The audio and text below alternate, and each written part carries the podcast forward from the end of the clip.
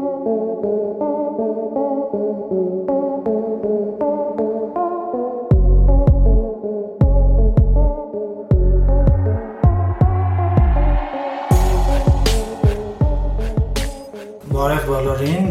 Լսում եք Սերվի բարի ոդքասթը։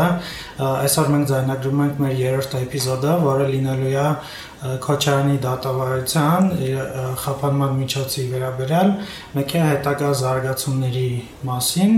Այսօր ես եմ Սամսա, իմ անունը Աննան ու Գայանեն։ Սկսենք պրոտեստներից, Աննա երկու բառով կներկայացնես ինչ տեղի ունեցավ այսօր։ Դե այսօրվա ակցիան սկսվեց իրականում երեկվա կոչից Նիկոլ Փաշինյանի երեկոյան ինքը կոչ արեց մարդկանց շատ կարճ հղումով, որ դուրս գան եւ արգելափակեն բացառապես բոլոր դատարանների մուտքերը եւ թույլ չտան, որ դատարանները աշխատեն այնուհետև առավոտյան հանդես եկավ կառավարության նիստի ելույթով, որտեղ ավելի հանգամանալից կերպով բացատրեց, թե ինչու է այդ կոչը արել։ Կարծում եմ նաև մեր մեջ հետաքրքիր նոր քիչ առաջ զրույց եղավ, երևի Սամսոն դու ինքդ էլ կասես այդ Նիկոլ Փաշինյանի կոչը իր նաև ինչ որ իմաստով խնդրալից, հա, վերաբերմունքը մարդկանց ում հանդեպ ոչ միշտ այս կառավարությունը կամ ինքը հարգալից խոսել կապված հենց իրենց վերաբերող որոշումների ընդունման հետ։ Ամեն դեպքում մարդիկ դուրս եկան եւ արգելափակեցին դատարանների մուտքերը եւ շատ հետաքրքիր էր հենց մասիվի, այսինքն նոր-նորքի վարչական շրջանի դատարանի հետ կապված ակցիան եւ այնտեղ մարդկանց հավաքը որովհետև դա հենց այն դատարանն էր, որն էլ քննում էր Քոչարյանի գործը եւ որտեղ էլ ընթերցվել էր խափանման միջոցը փոխելու մասին դատարանի որոշումը։ Եվ ես ուզում եմ մատնանշել, որ սա միայն կոչով մարդկանց դուրս գալը չէ։ Սա մարդկանց ներքին մի հատ մղում է նաեւ, որովհետև մարդիկ հենց այնպես չեն դուրս գալիս կամ ուղակի սիրելի առաջնորդի կոչով չեն դուրս գալիս անելու մի բան, որին իրենք չեն էլ հավատում։ Մարդիկ յուրաքանչյուր ընտանիք Հայաստանում առնչվել է դատական համակարգի եւ դրա անարդարությունների հետ եւ փաստացի այս ճգնաժամային իրավիճակը ոչ թե ճգնաժամ է նոր ստեղծված, այլ ճգնաժամը մինչեւ հիմա ընդհանրապես Հայաստանի անկախ Հայաստանի հա պատմության մեջ դատական համակարգի դրանքից նաեւ դատական ակտերի հարկադիր կատարման համակարգի, որի ղեկավարը տարիներ շարունակ եղել է այժմ հիմա քրեական գործով կասկածյալ կամ մեղադրյալ Միհրան Պողոսյանը եւ այս երկու իրար սերտաճած համակարգերը մշտապես եղել են այն գործիքը, որը կեղեքել է ժողովրդին։ Մենք գործ ունենք մի ոնց որ կառավար իշխանության միջուղի հետ, որը մշտապես սպասարկում է փողին փող ունեցող ցանկացած սուբյեկտի դա կլինի բիզնեսմեն, դա կլինի տրանսնացիոնալ կորպորացիա, ինչպիսին օրինակ նույն ամուսարի հետ կապված, գիտենք դա տանը որոշումներ է կայացրել ընդդեմ մի ամբողջ տարի գնացող կոնկրետ գործողության հոգուտ Լիդիանի է որոշում կայացրել, թե դա կլինեն այլ անձինք, որոնք եղել են պաշտոնավորներ, եւ ընդཐུպ մինչեւ ընդունենք երկրորդ նախագահ Ռոբերտ Քոչարյանը։ Այսինքն դա տարանները միշտ էլ ծառայել են փող ունեցողներին եւ մարդիկ դա գիտակցում են եւ դուրս են եկել պայքարելու հենց դրա դեմ կամ այնպիսի դատավորների դեմ, ինչպիսին օրինակ նույն Մանուշակ Պետրոսյանն է վերաքնիչ դատարանի, ով ուղակի դատական ակտը կարդալիս ամբաստանյալի նկատմամբ այնքան անհարգալից վերաբերմունք է ցույց տալիս, որ ուղակի սկսում է գորգորալ դատական ակտը կարդալու ընթացքում։ Նույն դատավորն է, որը նախկինում եղել է քննիչ եւ ներկայումս Վարդենիսի հետ հայտնի գործով այսինքն մի գործով որտեղ միեդը որոշել վճիռ է կայացրել, որ անձը խոշտանգումների ենթարկվել եւ 12 տարի հանիրավի ազատազրկման է ենթարկված եղել խոշտանգումներով կորզված ցուցմունքների հիման վրա եւ այդ քննիչը հիմա դարձել է դատավոր եւ նոր հետաքննություն խոշտանգումների գործով հնարավոր չի լինի, որտեղ նույն դատավորը լինելով ավելի մեծ իշխանություն ունեցող թույլ չի տալիս։ Այսպիսի եւ բազմատիվ եւ մշտական նմանատիպ գործերի եւ վճռների պատճառով է, որ մարդիկ շատ հանգիստ եւ ինքնուրույն նաեւ խղճով դուրս են եկել դատաները շրջափակելու եւ որևէ ձևով նրանք չեն կարող մեկնաբանել իրենց արարքը որպես հակասահմանադրական։ Ես լսում եմ մարդկանց հետ հա, հարցազրույցները այնտեղ ուղիղ հեռարձակումով տարբեր լրատվամիջոցների եւ մարդիկ բացարձակապես adekvat քաղաքական վերլուծություններ էին անում, թե ինչու են իրենք այնտեղ եւ ինչպես են գնահատում իրավիճակը։ Եվ ես համարում եմ, որ այսօրվա ակցիան պարտավոր է լինել նաև պարտադիր պիտի լինի շարունակական, որովհետև լուրեր ունենք, որ իրավիճակը շատ ավելի է բարդացել։ Ես ճիշտ ասած Երբ որ երեք երեկոյան կարդացի Նիկոլ Փաշինյանի ստատուսը, որը որ ինքը կոչ էր անում մարդկանց դուրս գալ եւ դատարանի մուտքերը փակել հաջորդ օրը առավոտ 8:30-ից ճիշտ ասած առաջին անգամ լսեցի ընդհանրապես լուրջ չընդունեցի փորձեմ եւի բացատրեմ ինչի որովհետեւ նախ իմ համար այդ վերաբերմունքը մարդկանց հանդեպ մի տեսակ ընդունելի չէր որովհետեւ երբ որ իրավիճակը, երբ որ Նիկոլ Փաշինյանը պետքա ցույց տա իր ուժը, այսպես ասած, քաղաքական ուժը կամ լեգիտիմությունը, ինքը միանգամից ասում է, որ եկեք պետքա այսինչ բանը անենք ու ժողովրդին է դիմում, այդ դիմելը ոչ ինձ դուր չի գալիս, որովհետև ինքը նաև ասաց, որ դե եկեք փակենք, որ ժամը 12-ին ես կխոսամ նոր բան կասեմ, նկատի ունեմ ուղակի մարդկանց ասել փակենք որ ես որոշ ժամանակ անց ինչ-որ բան ասեմ, իմ համար այդքան էլ ընդունելի չի։ Չնայած լիովին համոզում եմ, որ դատական համակարգը մշտապես ծառայելա հարուստներին ընդհանրապես հիմա չի ներկայացնում ժողովրդի շահերը դատարանում, երբեք երբ թե չէր ներկայացրել Նաև իմ համար խնդրալից է Փաշինյանի այս կոչը այն տեսանկյունից, որ այս ամբողջ մի տարվա ընթացքում հեղափոխությունից հետո իր վերաբերմունքը ժողովրդի հանդեպ ոչ միանշանակ ա եղել։ Մենք իր վարած քաղաքականության մեջ տեսնում ենք, որ ինքը անդադ փորձում է քաղաքականությունով ներկայացնել կամ ձևավորել այսպես նոր բուրժուա դասակարգ, գործարարների դասակարգ, շատ ենք խոսացել սրա մասին եւ սա վիբարի հատվածներում եւ ընդհանրապես շատ են քննարկվել այս թեմաները։ Մի երկու բան որ նշեմ, օրինակ համահարթ հարկային համակարգը, որ փորձում են մտցնել, դեռ չեն մտցրել, բայց բավականին տրամադրված են։ Օրինակ ես լիովին չի ներկայացնում ժողովրդի շահերը, ընդհանրապես ժողովրդի մեծ ամասնության շահերին դեմ լինելու Հաջորդը տնտեսական հեղափոխության, այսպես ճակերտների մեջ տնտեսական հեղափոխության գաղափարն է, որ Նիկոլ Փաշինյանը կոչ արել բոլորին դառնալ տնտեսական հեղափոխության ակտիվիստ, բայց բարձա որ տնտեսական հեղափոխության մեջ ժողովուրդը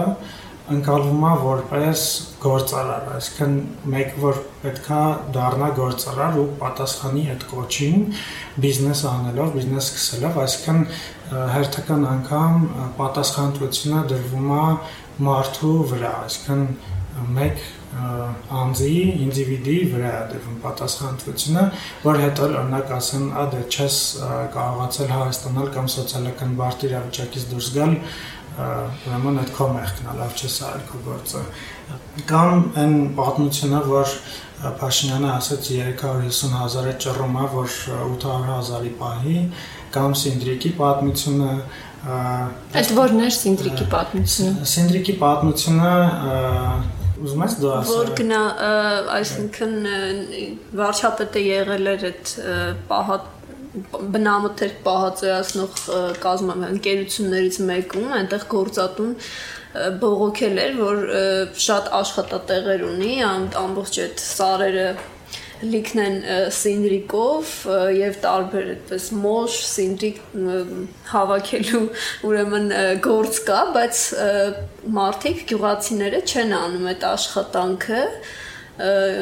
եւ գերադասում են տանը պարապ նստել Այսինքն ոչ մի քննարկում թե ինչի չի արվում կամ արդյոք բա համարժեք վարձատրություն կա չկա։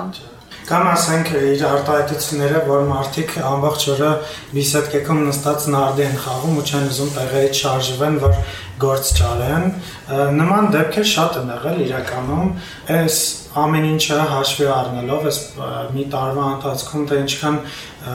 կոպիտ ասած կիքսեր են եղել Փաշինյանի ու իր թիմակիցների կողմից։ Հիմա երբ որ այս խնդիր կա քաղաքական ուժ ցույց տալու կամ լեգիտիմություն ցույց տալու կամ չգիտեմ ատամներ ցույց տալու Փաշինյանը ասում է ժողովուրդ ջան փակում ենք իմ համար մի քիչ այդքան էլ արդար վերաբերմունք չի, որովհետև ժողովրդի հանդեպ վերաբերմունքը պետքա նախ եւ առաջ երևա պետական քաղաքականության միջոցով, այլ ոչ թե պահը պահը գալու ժամանակ ժողովրդին կոչեր անեն։ Մեկը ինձ թվում է Փաշինյանը պիտի հասկանա, որ ցանկացած բային, երբ որ ինքը կոչ է անում, այդ կոչին արձագանքում են այն մարդիկ, այն մեծամասնությունը, որոնք որ կարիք ունեն միանշանակ իրենց կյանքում որակական փոփոխություններ տեսնելու ու այդ որակական փոփոխությունները հնարավոր է բերել միայն համապատասխան սոցիալական, տնտեսական քաղաքականություն վարելով, երբ որ մարդ հասկանա, որ իր դիմացի փողոցը սարքվել է կամ ինքը ունի առողջապահական իրեն սատարող համակարգ կամ սոցիալական համակարգ։ Երբ որ այս ամեն ինչի մեջ շատ փոփոխություններ տեղի չեն ունեցել, ու երբ որ դու ամեն անգամ ասում ես ժողովուրդ ջան դուրս եկեք, իհարկե ասենք դուրս կգան, որովհետև Փաշինյանը դեռ շարունակում է վայելել մարդկանց սերը ու մարդիկ ընդունում են Փաշինյանին, բայց պիտի Փաշինյանն հասկանա, որ այսօր այն գործարար կամ չգիտեմ ինչ ասեմ, նոր բուրժուա մասան իր վրա ծիծաղում էր, որովհետև որոշները նույնիսկ ասում են, որ այս հակասահմանական քայլերը քան ծիծաղով են վերաբերվում այս Նիկոլի արած հայտարարություններին, իրանք չեն, որ պետք է կած ժամանակ դուրս են գալու փողոց իրանք չեն արել հեղափոխությունը, իրանք ընդհանրապես մաս են կազմել մի մեծ process-ի, որը որ իհարկե մարդկանց մեծամասնությունը հասկանում ենք, որ այո, մասնակցել։ Հոսանքի մեջ են եղել ուղակի, հոսանքը եղել է ժողովրդական շարժումը, իրանք ուղակի ընկել են հոսանքի մեջ կամ իրենց թույլ են տվել մտնել հոսանքի մեջ այն բայց երբ որ տեսել են որ հոսանքի դեմը առնելու բան չունեն բայց Սամսոն մի բան է ուզում ասել այդուհանդերձ Նիկոլ Փաշինյանը իր ուղերձը նաև այսպես ձևակերպեց որ ժողովուրդ ջան ես գիտեմ իմ կառավարության վարած քաղաքականությունը շատերիդ մոտ առաջացնում է դժգոհություններ այսինքն մի տեսակ ներողամտության նաև վերաբերմունք կար եւ ես ես չեմ ուզում իհարկե որևէ ձեով սրբագրել իր արած քաղաքականության այդ սխալները եւ այլն եւ դրանով հանդերձ նույնիսկ ինձ թույլ չեմ տա ներում շնորհել բացարձակապես դրա մասին չի խոսքը, բայց ուզում եմ մատնանշել, որ որպես քաղաքական գործիչ ինքը կարողանում է անդրադառնալ ամեն դեպքում եւ կարողանում է նաեւ ներողություն խնդրել արված սխալների համար եւ սա է, որ ինձ հույս է ներշնչում, որ նման կառավարության ժամանակ հնարավոր է ամեն դեպքում ժողովրդի շահերից մարդկանց, հա, լայն զանգվածների շահերից բխող փոփոխ փոփոխություններ առաջ մղել եւ ես դրանով եմ ուզում ամեն դեպքում պայմանավորել նաեւ իմ հույսը, որ այս ներկայիս գործողությունները իհարկե ավելի մեծ շարժման մի մաս կդառնան եւ կտանեն այն քննարկումներին, որոնք տասնամյակներ շարունակ Հայաստանում իրոք բացակայել են մասնավորապես դատական համակարգի կազմակերպման մասին, որովհետև իսկապես, եթե շատ բաների մասին մենք քիչ թե շատ տեղյակ ենք, այսինքն, չգիտեմ, որ օրինակ, եթե դու ընտրում ես падգամավորի, падգամավորին պատվիրակում ես, ես ինչը, որ ինքը ես ինչ բաներն անի կամ չանի է, օրենք ընդունի, չընդունի եւ այլն, ապա դատական համակարգի մասին ժողովուրդը որևէ գործողությամբ չի մասնակցում այդ համակարգի կազմա, կազմավորմանը։ Ամբողջությամբ դա դելեգացված է եւ ավելի ավելին դելեգացված է հաճախ զուտ 1 հոգու։ Դա եթե վերցնենք նույն դատավորների նշանակման կարգը, նախագահն է։ Էնպես որ ես հույս ունեմ, որ նաև սա թույլ կտա շատ մեծ փոփոխություններ փոփոխություններ գրանցել կամ հասնել դրանց ներկայիս համակարգի կառավարման եւ կազմավորման մեջ ինչպես նույնիսկ ինքը Նիկոլ Փաշինյանը նշեց անհրաժեշտության դեպքում համանadrական փոփոխությունների դիմելով բայց ամեն դեպքում ոնց հասանք այս իրավիճակին նաեւ այս սրացումը հա որ ոչ թե եթե համաձայն եք իհարկե ոչ թե սա ինքը ճգնաժամ ստեղծեց այլ ճգնաժամը ուղակի սրացման միջոցով կարծես իր սիմպտոմը դուրս տվեց ջրծաղիկի նման։ Այսօր մտածում եի օրինակ եթե Ռոբերտ Քոչարյանի խափանման միջոցը եւս մեկ անգամ դատարանը հաստատեր որպես կալանք, ես մտածում եի արդյոք Փաշինյանը կասեր այն ինչ որ ինքը այսօր ասեց, դատական համակարգը ռեֆորմի ենթարկելու կամ ընդհանրապես վերափոխելու մասին։ Ես կասկածում եմ, որ չեր լինի այս ամեն ինչը, դրա համար մի տեսակ համել կուզեի անդրադառնալ նրան, որ այսքան ժամանակ հնարավորություն կար անցումային արտահայտության մեխանիզմներ մտցնեին, որովհետև սեպտեմբերին դրա մասին ահագին շատ խոսվեց, այսպես շուխուր ընկավ ու մոռացան դրեցին դարակ փակեցին ու հիմա վերհիշել են մի տես այսինքն ես ինչ նկատի ունեմ որ Փաշինյանը ասում է հարային շահից բխող այսինքն հարային պահանջ կա հիմա դատական համակարգը փոխելը, այդ հանրային պահանջը հիմա չի որ կա, հանրային պահանջը շատ վաղուց կար ու եթե Փաշինյանը ազնիվ է գտնվում, նաև պետք է ընդունենք, որ ասենք հանրային պահանջ կա նույն Մեղրի զորամասի օրինակով, որ բանակը լիովին ռեֆորմի ենթարկել, այդ սպաներին հանել գործից, լիքը գնդապետների հանել գործից, հիմա ինչ ամեն ինչն ասենք պետքա գնանք փակենք զորամասայի դերները, նկատի ունեմ, որ շատ-շատ բաներ, որոնք որ պետքա արվեն դեռ վաղուց, չեն արվել, չգիտես ինչ-ինչ պատճառներով ու հիմա ոնց որ այդ չանելու պատճառով մենք եւս մեկ անգամ էլի ընկնում ենք ինչ որ խառը քաղաքական իրավիճակի մեջ։ Հա, ու այդ իմաստով երեկվա եւ այսօրվա իրադարձությունները շատ հետաքրքիր ուղերձներ են իրենց մեջ պարունակում։ Նախ իսկապես ուղիղ ներողության տեքստ հնչեց երեք վարչապետի Բերանից ուղված հանրությանը իր իր արած սխալների համար, մինչ օրս գուցե հապաղումների համար։ Եղան նաև որոշ քաղաքական պաշտոնյաներ, որ իրենց Facebook-ի էջերում նմանատիպ տեքստեր հրապարակեցին Սա իսկապես ողջունելի է եւ հուսադրող, որովհետեւ եթե քաղաքական գործի չէ իր մեջ կամք եւ ուժ ունի բավարար, ներողություն խնդրել իր սխալների համար, իսկ մի տեսակ հույս կա, որ հնարավոր է հեղափոխության արժեքները չթողնել գետնին։ Մյուս կողմից օրինակ այսօր նույն 4-րդ մասիվի դատարանի մուտքի մոտ հավաքված հանրության, որին մենք ինչ կոչենք ակտիվիստ կոչենք կամ չէ, այսինքն փոխվել է որոշակիորեն սոցիալական հենքը եւ հեղափոխությունը, այսինքն հանրությունը քաղաքական մտածողության մի նոր աստիճանի է հասել եւ ես այսօր օրինակ լսում էի մարդկանց, որ հավանաբար այդ Ավան մասիվ վարչական համայնքի բնակիչներ էին, իրենց խոսակցությունները, դատողությունները մեծ մասով, եթե չնշենք տարբեր այսպես քաղաքական թևերից կամ ինչ որ կազմակերպություններից ներկայացված մարդկանց որոնք բարձրախոսով ինչ որ հայտարարություն էին տարածում, ապա ուղակի բնակչությունը որ եկել էր եւ խաղաղ իր ուրեմն ակտներ իրականացնում դատարանի մուտքի մոտ քաղաքական քաղաքական վերլուծություններ են մարդիկ անում եւ իրենք իրենց մասնակցությունն են բերում, իրենք իրենց ուսումնասիրությունն են կարելի ասել անում ներկա քաղաքական իրավիճակի եւ ես կարծում եմ, որ Նաև այս մարտիկ ոչ թե փողոց են դուրս եկել Նիկոլ Սոսկ Նիկոլ Փաշինյանի ուրեմն կոչը բավարարելու, այլ նաև իրենք իրենց իսկ սկսած հեղափոխության տերն են եւ դրա իրականացնողն են։ Մի քանի օրինակներ կաս բերես, օրինակ ես օրինակ ես մի բան լսեցի, մի կին խոսեց, որ ինչքան անարթարակալանքի մասին էս որոշման փոփոխությունը մի մարդու մասին, ում ինքը որակեց որպես հրեշի, եւ ասեց, հələ տեսեք ի հակադրություն օրինակ այն կնոջ անունը չտվեց, բայց բոլորս գիտեինք, արդեն հասկացա ես ինքս էլ, որ Հասմիկ Սարգսյանի մասն է խոսում, որ ընդամենը 4 երեխա ունի եւ ընդամենը 10000 դրամ գողության համար 4 տարվա ուրեմն վճիռ կար իր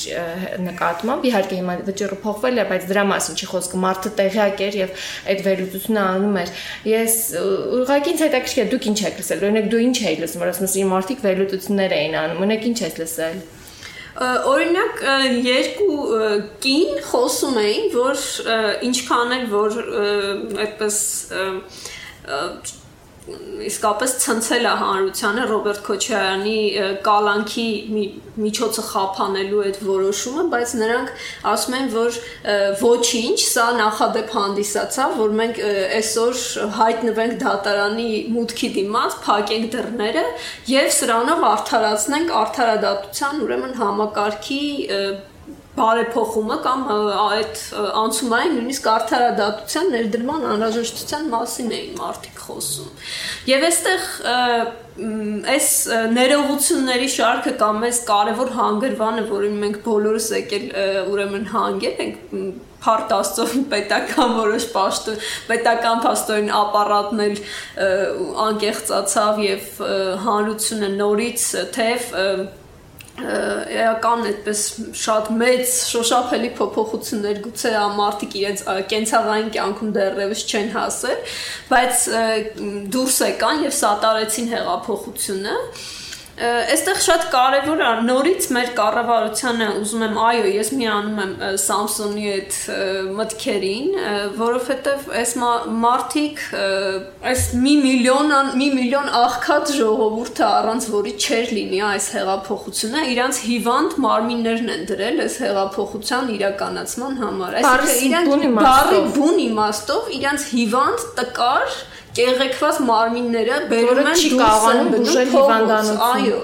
դնում են փողոցներում ու այս սա շատ կարևոր է արձանագրելը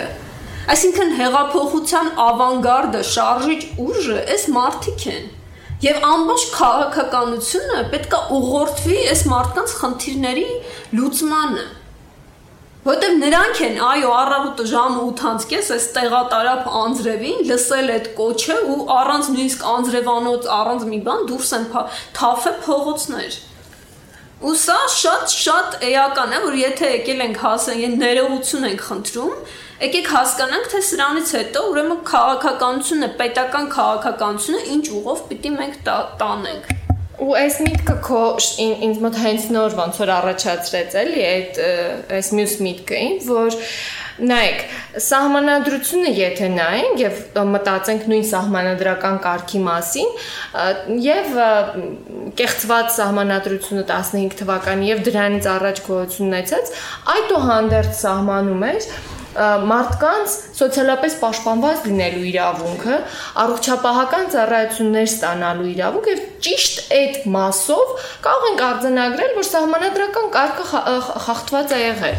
Գոնե դրանով, էլ չասեմ նրա մասին, որ ժողովրդավարական համակարգ չի եղել եւ դրանով էլ սահմանադրական կարգը խախտված եղել։ Եվ ես ուղղակի ուզում եմ այստեղ էլի ինվրթովմունքը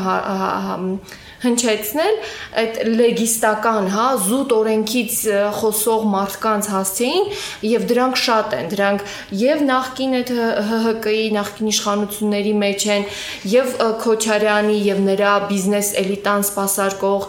եւ այդ Ղարաբաղյան իրեն աջակցող անձանց կամ կլանի մեջ են այդ բանը եւ նույնիսկ քաղաքացիական հասարակություն կոչված այդ կազմակերպությունների անհատների մեջ են դրանք շրջանառվում, որ օրենքը պետք է կատարել կամ որ օրենքով արգելվում է դատարանների գործունեությունը խափանող հավաքներ անցկացնելը։ Այսինքն դե կներեք, հիմա այս մարտիկ իսկապես տարիներ շարունակ կեղեքված են եղել եւ դա հենց ինքնին սահմանադրական կարգի խափանում է եղել։ Նույն Քոչարյանը եւ նրա վարած քաղաքականությունը ոչ միայն բառացիորեն մարդկանց զրկել են կյանքից, այլ նաեւ զրկել են գույքից, ունեցվածքից։ Հիմա արդեն ամեն օր մենք ստանում ենք միեդի որոշումները նույն Հյուսեն Պողոտայի հետ կապված։ Մենք ստացել ենք արդեն Թեղուտի հետ կապված որոշումները։ Մենք ունենք այդ բոլոր, այսինքն ամբողջովին ունեզրկված եւ հարստահարված մի հատ հասարակություն, Հիմա ինչ ասենք, համարենք, որ մինչև հիմա սահմանադրական կարգի մեջ ենք ապրել ու հանկարծ այսօր այս ակցիան արվելով սահմանադրական կարգի խախտման փորձ կա, դա մի տեսակ ահավոր կեղծավորություն է, դա փարիսեցիություն է, որը ես միանշանակ վստահ եմ, նաև այդ քաղաքական մտածողությունից է գալիս, լինել լեգիստ, լինել օրենքին կարճած, չնայելով օրենքի բովանդակությանը։ Եվ դրանով ես իսկապես վրթովմունք եմ արտահայտում այդ մոտեցումը հնչեցնող նույնիսկ եթե դրանց մեջ կան իմ ընկերներից հենց այդ անձանց հանդեպ։ Ես միանշանակ համաձայն եմ, ես նույնիսկ տեսա նման արտահայտություններ, որ այսօր դատարաններ փակելը բռնության ակտա կամ բեսպրեդելա կամ չգիտեմ ինչա իհարկե այդ բոլոր կոմենտներին ես չեմ ուզում անդառնալ որովհետև անհետեցություն են դու աննան լավ ասած միանշանակ համաձայն եմ ու քանի որ ասվեց Փաշինյանի կողմից որ փոփոխություններ են պատրաստվում, այն չնայած կարելի էր, այսինքն մի քիչ իմ համար ավելի շատ դեկլարատիվ բնույթ էին կրում, ավելի շատ տենց ես չտեսա կոնկրետ հստակ ճանապարհային քարտեզ, ինչը շատ լավ կլիներ, որ տեսնենք, բայց երևի ժամանակ չեն ունեցել այս ամեն ինչը անեն, բայց ամեն դեպքում մի բան, որ ես կուզեի նշել, որը որ իմ համար շատ կարևոր է, որ անեն նաև այդ լյուստրացիայի խնդիրն է, որ ինձ թվում է շատ ուշանում է Հայաստանում իլյուստրացիան, պետքա արվի ու պետքա շատ արագ արվի, որովհետև լիքը հարցեր, լիքը մարդկանց ու լիքը թեմաներ, որոնք որ կարող են ուղակի չլինել ու գլխացավանքներ չստեղծել ոչ ժողովրդի ոչ Փաշինյանի իշխանության համար իլյուստրացիայի միջոցով կլուծվի։ Մի քիչ ուզում եմ նաև նաև անդրադառնանք Քոչարյանի դատին ու Ղարաբաղի հետ կապված հարցին դատը տևեց 4 օր, դատի մանրամասներին չենք անդրադառնալ։ Մարտի 1-ի գործով դժացների փաստաբանը Վահե Գրիգորյանը բավական լավ անդրադարձել է համ Քոչյանի կողմի փաստարկներին եւ շատ լավ մեկնաբանություններ է տվել, կարող եք դա լսել։ Ուղղակի ասենք որ 4 օր տևեց абսուրդ էր կատարվում դատարանի դիմաց, որովհետեւ Քոչյանին եկել էին աջակցելու Ռոբերտ Ահարոնյանի պես մարդիկ Ասահարցակ բոլորը գիտեն, մենք մենք բոլորս ծիծաղում ենք, բայց ով է էլի Ռոբերտ Ահարոնյանը, ասենք սարսափելի մի հատ անznավորություն, որին օգտագործել են տարբեր ինստիտուցիաներ, բայց հատկապես մի պահ ինքը սпасարկում էր այդ իրավունք թերթին հարող մի հատ կլանի եւ դա իհարկե շատ մեծ կապ ունի նաեւ դրսից եկող ու հակա, այսպես ասած, ոնց որ հակա հասարակական, հակա տարբեր խմբեր աշխատող դրսից Ռուսաստանից եկող ինչ որ բաների եւ ասենք լրիվ վարկաբեկված, ուղակի բարձ բուն իմաստով վարկաբեկված անznավորություն գնացել է Քոչարյանին է պաշտպանում։ Ճիշտ է շատ ու այս ամենի ներքո եկան երկու նախագահները Ղարաբաղի Ահարոնյանի կողքին։ Այո։ Բակո Սահակյանը ու Արկադի Ղուկասյանը այսքանով Սահմանափակվենք այս էպիզոդը, մենք ունենանք նաև շարունակություն, որի ընթացքում որ խոսել ենք Քոչարյանի դատի ու Ղարաբաղի հետ կապված թեմաների կքննարկենք։ Հետևեք մեզ Facebook-ում ու շնորհակալություն, որ լսեցիք։